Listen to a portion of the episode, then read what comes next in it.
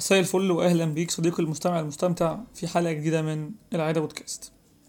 حلقة النهارده هي الحلقة رقم 14 وهي تعتبر حلقة النهارده تكملة للحلقة اللي فاتت أو الحلقة رقم 13 آه، في الحلقة اللي فاتت كنا اتكلمنا عن الصداع إيه هي أشهر أسبابه وإيه هي التخصصات الطبية اللي ممكن آه، نكشف فيها أو نلجأ لها لو عندنا صداع.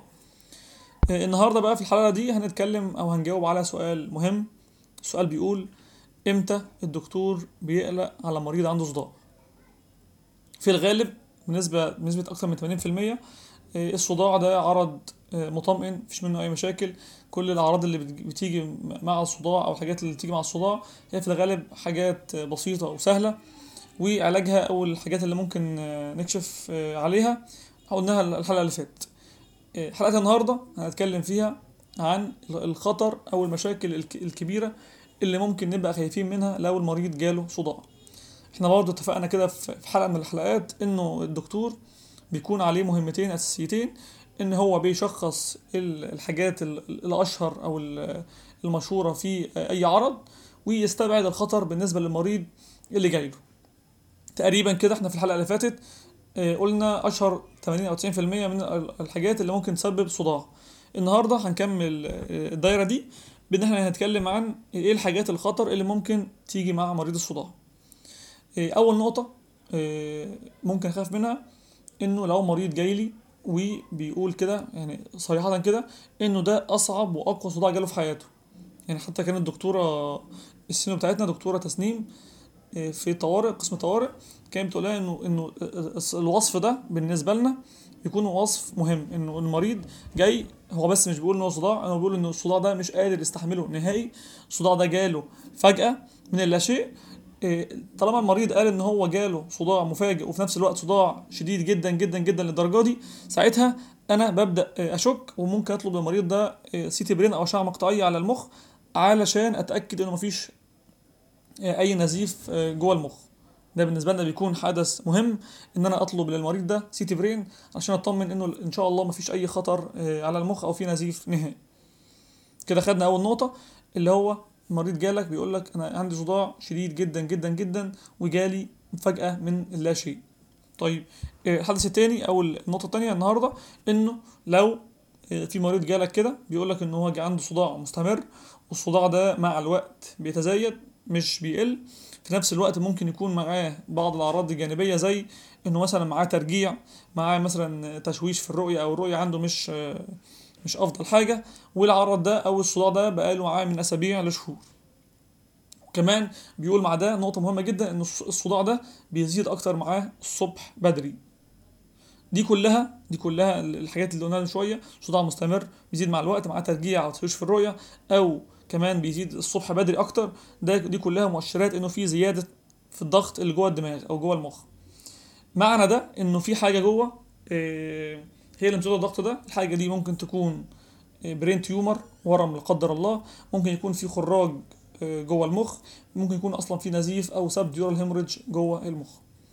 يبقى إحنا كده عرفنا انه دي كلها مؤشرات بتودينا لاتجاهات معينة كده إحنا محتاجين نطمن عليها سواء كان بقى نعمل آه، أشعة مقطعية نعمل MRI عشان نطمن ان المريض إن شاء الله ما فيهوش حاجة خطر.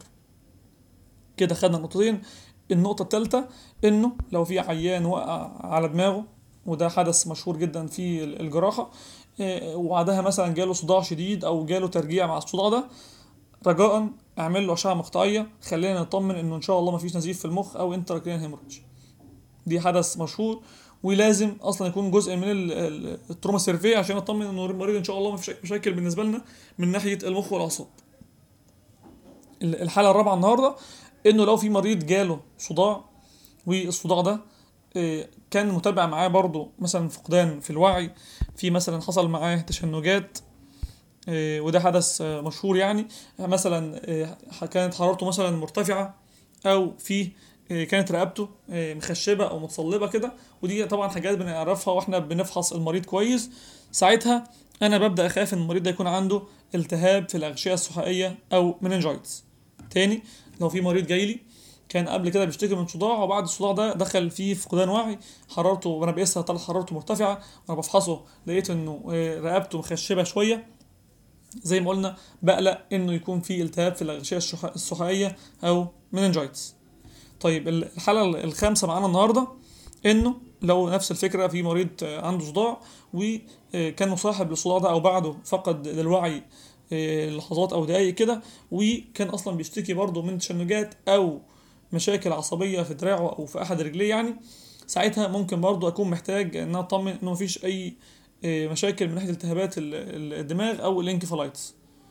دي برضو حاجة مشهورة وممكن آه، نطمن آه، على المريض منها عشان نبقى بس متأكدين إن شاء الله المريض مفيش أي مشاكل من ناحية المخ والأعصاب برضو من الاتجاه ده.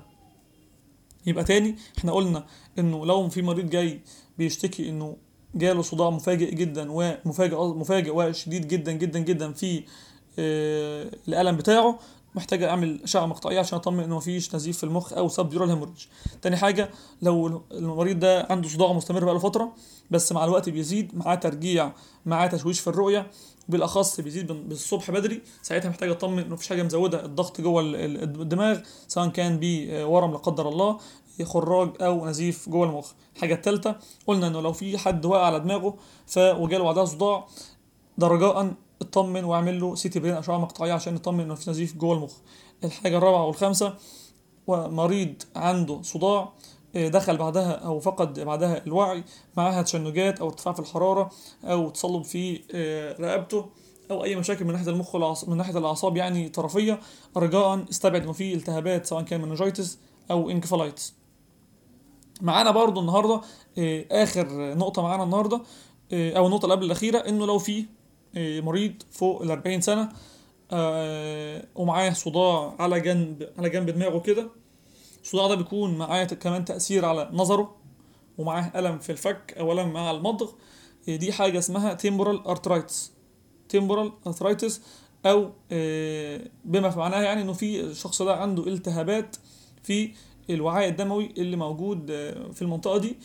وللأسف إنه الم- الحاجة دي خطر ليه؟ خطر ليه؟ لأنه ممكن يحدث مع ال- الصداع ده اللي عند شخص أكتر من 40 سنة والصداع ده على جنب بس على جنب من الجنبين ومعاه تأثير في النظر إيه، وألم في الفك أو ألم على المضغ ممكن يحصل فيه تأثير على أحد الأوعية الدموية الموصلة للعين ويحصل معاها فقدان إيه، للنظر إيه، تماما طبعا أكتر ناس إيه، مختصين في المرض ده أو هم شغلهم أكتر ده هم دكاترة الروماتولوجي.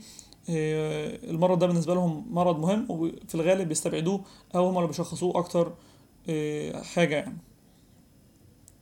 كده خدنا النقطة رقم خمسة أو ستة. النقطة الأخيرة معانا النهاردة إنه رجاء برضو لو حد عنده صداع مستمر صداع مستمر ده مع مع كمان أعراض تانية زي نقص الوزن إرهاق مستمر. يفضل إنه المريض ده حتى لو أنا مش قلقان عليه ولكن طالما الصداع ده معاه بعض الأعراض التانية يفضل لو كمان ماشي على أدوية مثلا بقالها شهر ولا حاجة ومش جايبة نتيجة لأ نبعته للدكتور نعمل ريفيرال عشان نطمن إنه إن شاء الله ال- ال- الصداع اللي عنده ده مش هيدخله في أي مشاكل تانية قريب. إيه، دي نقطة مهمة. وقلنا زي ما قلنا إنه لو عنده أعراض تانية زي نقص الوزن أو حرارته مرتفعة إرهاق مستمر رجاء إيه، اديله علاج. ما ما جابش معاه نتيجة لمدة شهر أو شهرين لا نحوله أفضل لدكتور متخصص عشان نطمن إنه مفيش أي أسباب تانية مع الصداع دي موجودة معاه.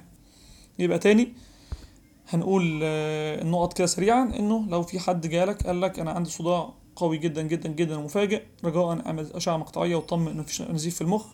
آه، حد عنده صداع مستمر معاه ترجيع ومشاكل في الرؤية والألم ده بتاع الصداع بيزيد بالنهار أو الصبح بدري أكتر رجاء آه، اطمن إنه مفيش حاجة مزودة ضغط جوه الدماغ سواء كان آه، نزيف سواء كان خراج سواء كان ورم.